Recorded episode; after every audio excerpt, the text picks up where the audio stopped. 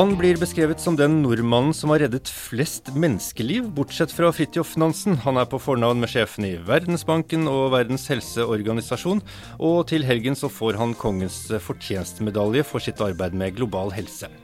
Hva har hatt størst effekt, og hva er de største utfordringene i årene som kommer? I denne spesialutgaven av Folkehelsepodden møter du Tore Godal.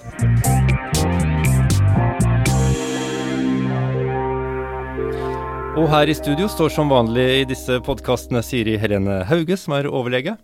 Uh, og Tore Godal, selvfølgelig, og Kjetil Berg uh, Veire.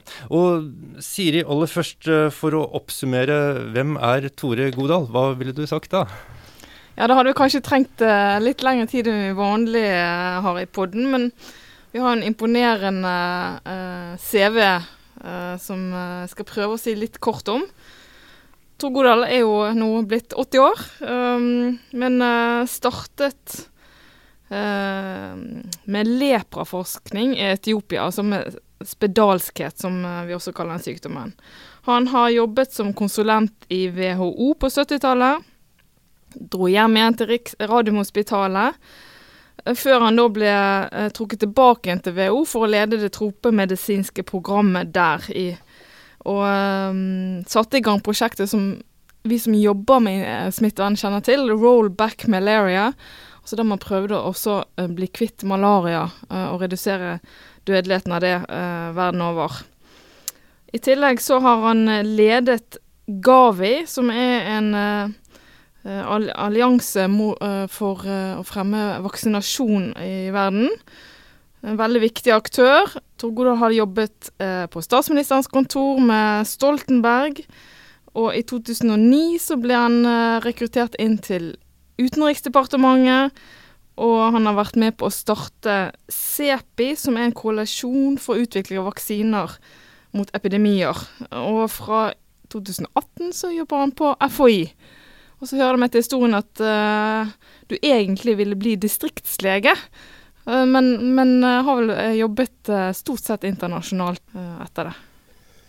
Det, det stemmer. Mm. Det har mm. blitt en kontinuerlig deviasjon fra min opprinnelige intensjon. Ja. Ja, du tok en veldig stor omvei der, føler jeg. Du kan jo begynne å jobbe som distriktslege nå etter hvert, kanskje i årene som kommer? Jeg oppdaget når jeg var 40 år at da begynte jeg å bli farlig for pasientene, så da tok jeg den beslutningen at det, nå var det for sent. Uh, vi er veldig glad for å ha deg som kollega her på Folkehelseinstituttet, Tore. Uh, uh, og hvis vi tar liksom og skrur klokka helt tilbake til 1970, hva var de største utfordringene da, da du begynte å, å jobbe med globalt helsearbeid i Etiopia? Det var jo på det tidspunkt da, skal vi si, forskere verden over følte at nå hadde man gjort store framskritt på, i, i grunnforskningen. immunologi, hadde man T- og B-celler identifisert, og derfor så var det et ønske om å applisere dette på, den, eh, på de neglisjerte sykdommene i verden, de tropiske sykdommene. Ja, og Hva slags sykdommer var det vi snakket om da? Da snakket vi om spedalskhet, vi snakket om malaria, vi snakker om elveblindhet, om elefantsyke, sovesyke og bilhartsia. Hvor, øh, hva er det som øh, har reddet flest menneskeliv, øh, mener du, av de tiltakene som du har vært i gang, eller jobbet med å sette i verk? Det er vel da vaksinealliansen Gavi, hvor det til i dag har blitt vaksinert 750 millioner barn. Og beregningene fra WHO og Unicef er at Gavi har bidratt til å redde 13 millioner liv. Er det derfra denne beskrivelsen av deg som har reddet millioner av menneskeliv kommer først og fremst, eller er det fra andre steder? Det er derifra, og så er det fra Det andre er da dette med impregnerte uh, bednets. Myggnett? Myggnett, ja. Som da Vi gjorde noen store undersøkelser som viste at du reddet hvert femte barn fra å dø i Afrika.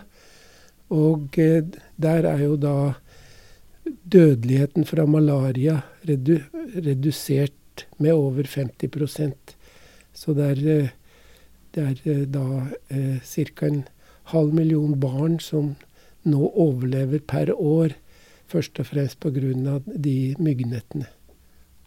Hvordan fant dere frem til at uh, dette var noe som hjalp? Det var ulike uh, undersøkelser, både uh, med hensyn til hvordan det beskyttet folk mot myggstikk, og samtidig at det var undersøkelser som viste at det også reduserte faren for dødelig malaria.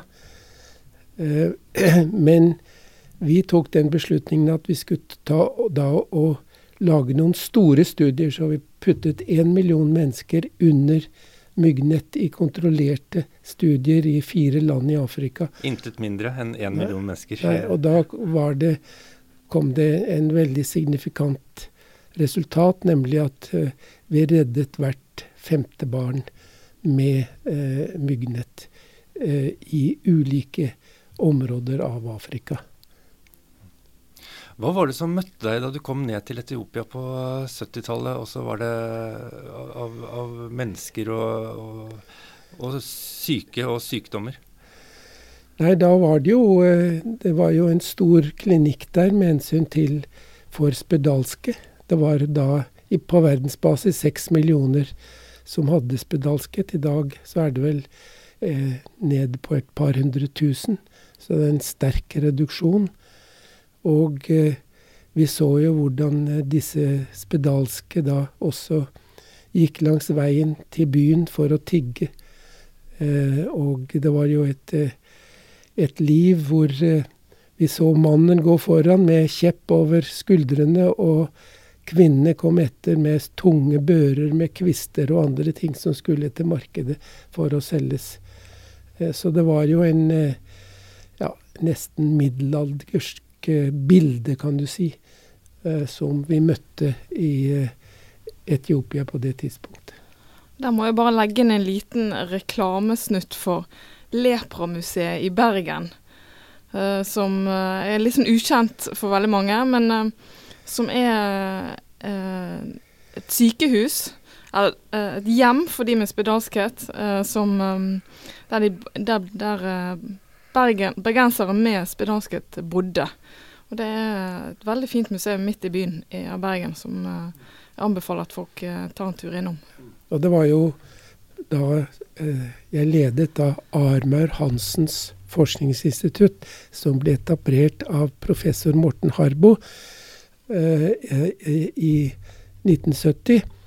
Og, så det var jo til minne om Armaur Hansen, og det var en norsk lege som var den siste lepralegen eh, i Norge. Han heter Reidar Melsom, og han eh, påpekte at nå var det på tide med ny forskning for lepra. Og så ble det da til at eh, Redd Barna i Norge og Sverige gikk sammen om å bygge dette instituttet. Uh, du, ja, nå, nå, beskrev du jo hva som møtte deg i Etiopia på 70-tallet. og hva, hva, vil du si, og, så har da myggnetting hatt enormt mye å si for uh, å utrydde uh, Ikke utrydde, nei, men kontrollere. Men kontrollere ja. malaria, f.eks. Ja. ja. men hva slags andre tiltak sånn kort er det som har hatt veldig stor effekt på helsetilstanden sånn globalt sett, vil du si? Det er jo klart at bedre hygiene Eh, har vært viktig. Eh, og, eh, og, som jeg nevnte, vaksinasjon har vært veldig viktig.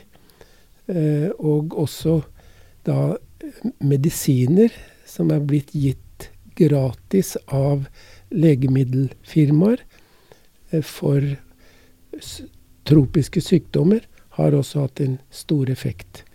Det gjelder både mot elveblindhet og mot uh, elefantsyke. Hvor viktig har donorer som uh, Bill og Melinda Gates Foundation hatt i dette, i dette arbeidet? De har blitt veldig viktige, uh, da først og fremst fra og med 1999, da de ga 750 millioner dollar til vaksinasjonsprogrammet Gavi. Og Bill sa at han, han skalv litt på hånden når han skrev under den sjekken. Men fem år senere sa han at det var det beste investeringen han noen gang har gjort. På hvilken måte, Hva var bakgrunnen for at han sa det? Han visste vel ikke egentlig hva som ville komme ut av den investeringen. Og vi hadde jo stor frihet til å forme da programmet slik vi så det ville bli mest effektivt. Eh, så, og han var jo da leder for Microsoft, så han hadde jo ikke mye tid til å bruke på å følge opp. Så derfor så var det vel eh, Det var litt av en gambling fra hans side, sånn sett. Men han og, og da Melinda hadde jo diskutert ved middagsbordet dette at deres barn fikk vaksiner som barn i andre deler av verden ikke fikk, og at det var veldig urettferdig. Um, ja, og så tenker jeg, En så lang karriere som du har hatt, har det uh, vært tiltak uh, som du mener at kanskje vi ikke burde ha gjort? At noen man uh, burde holdt seg unna, eller noen tiltak som slo ut feil, og som vi bør holde oss unna? Det er jo klart at det er eh, flere tiltak som ikke ha, førte fram. Eh, men i det, store majoriteten så er det jo tiltak som har vist resultater. Eh, men vi lever også i en verden i endring. Eh, så mens de tusenårsmålene som vi hadde fra 2000 til 2015, så var det veldig basert på, på, da på giver og på, på altså utviklingshjelp. Mens nå er vi inne i neste fase med bærekraftsmålene, og det er det nasjonale ansvar.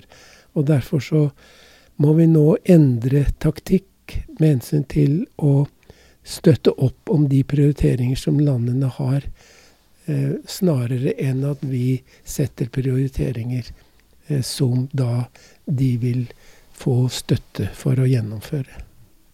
Ja, og Hva er de største utfordringene nå fremover når det gjelder global helse, mener du?